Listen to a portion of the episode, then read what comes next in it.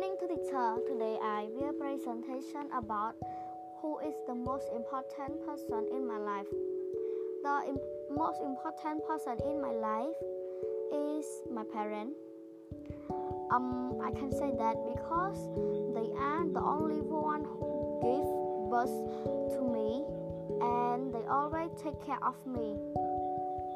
I can say that like um, when I'm sick or ill, they always um, get me to the hospital or buy some medicine um, for me to eat.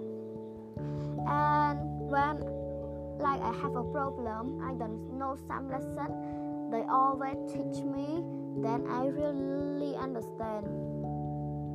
When I have a problem with my brother, uh, like fighting or angry each other, my parents always tell that family don't have to be um, fighting or angry. We have to love each other um, to have a happiness family. Every day they work so hard to get the money to give to give me to learn at a good school. Uh, they uh, work so hard and I really love my parents um, because they uh, I think I they, I keep them like my life. Thank you for your listening.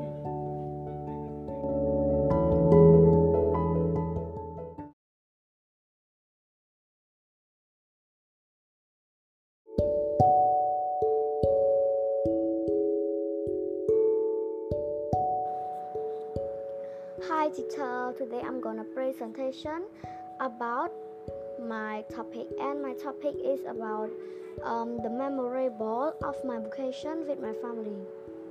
And the time I go to um, the sea with my family and then I play sandcastle with my little brother and sister and then I play sandcastle a little bit and I go to swim with my little brother and sister.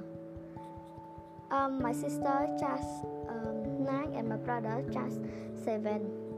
And when I go to play um, the water at the sea, like I feel like uh, someone come to um, like catch my leg and then I fall into the sea. And I think I will die, but my little sister and brother go to tell my parents about that I'm falling into the water.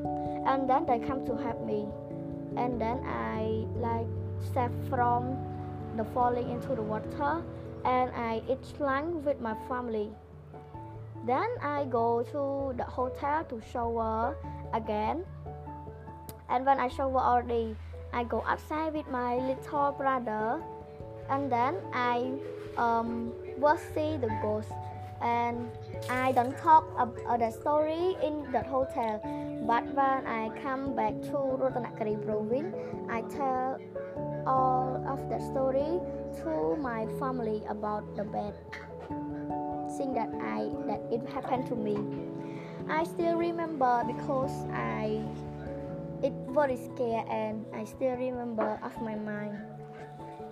Finally, I want to say that it was so scary and I still remember off my mind. I can't forget it. Thank you for your listening.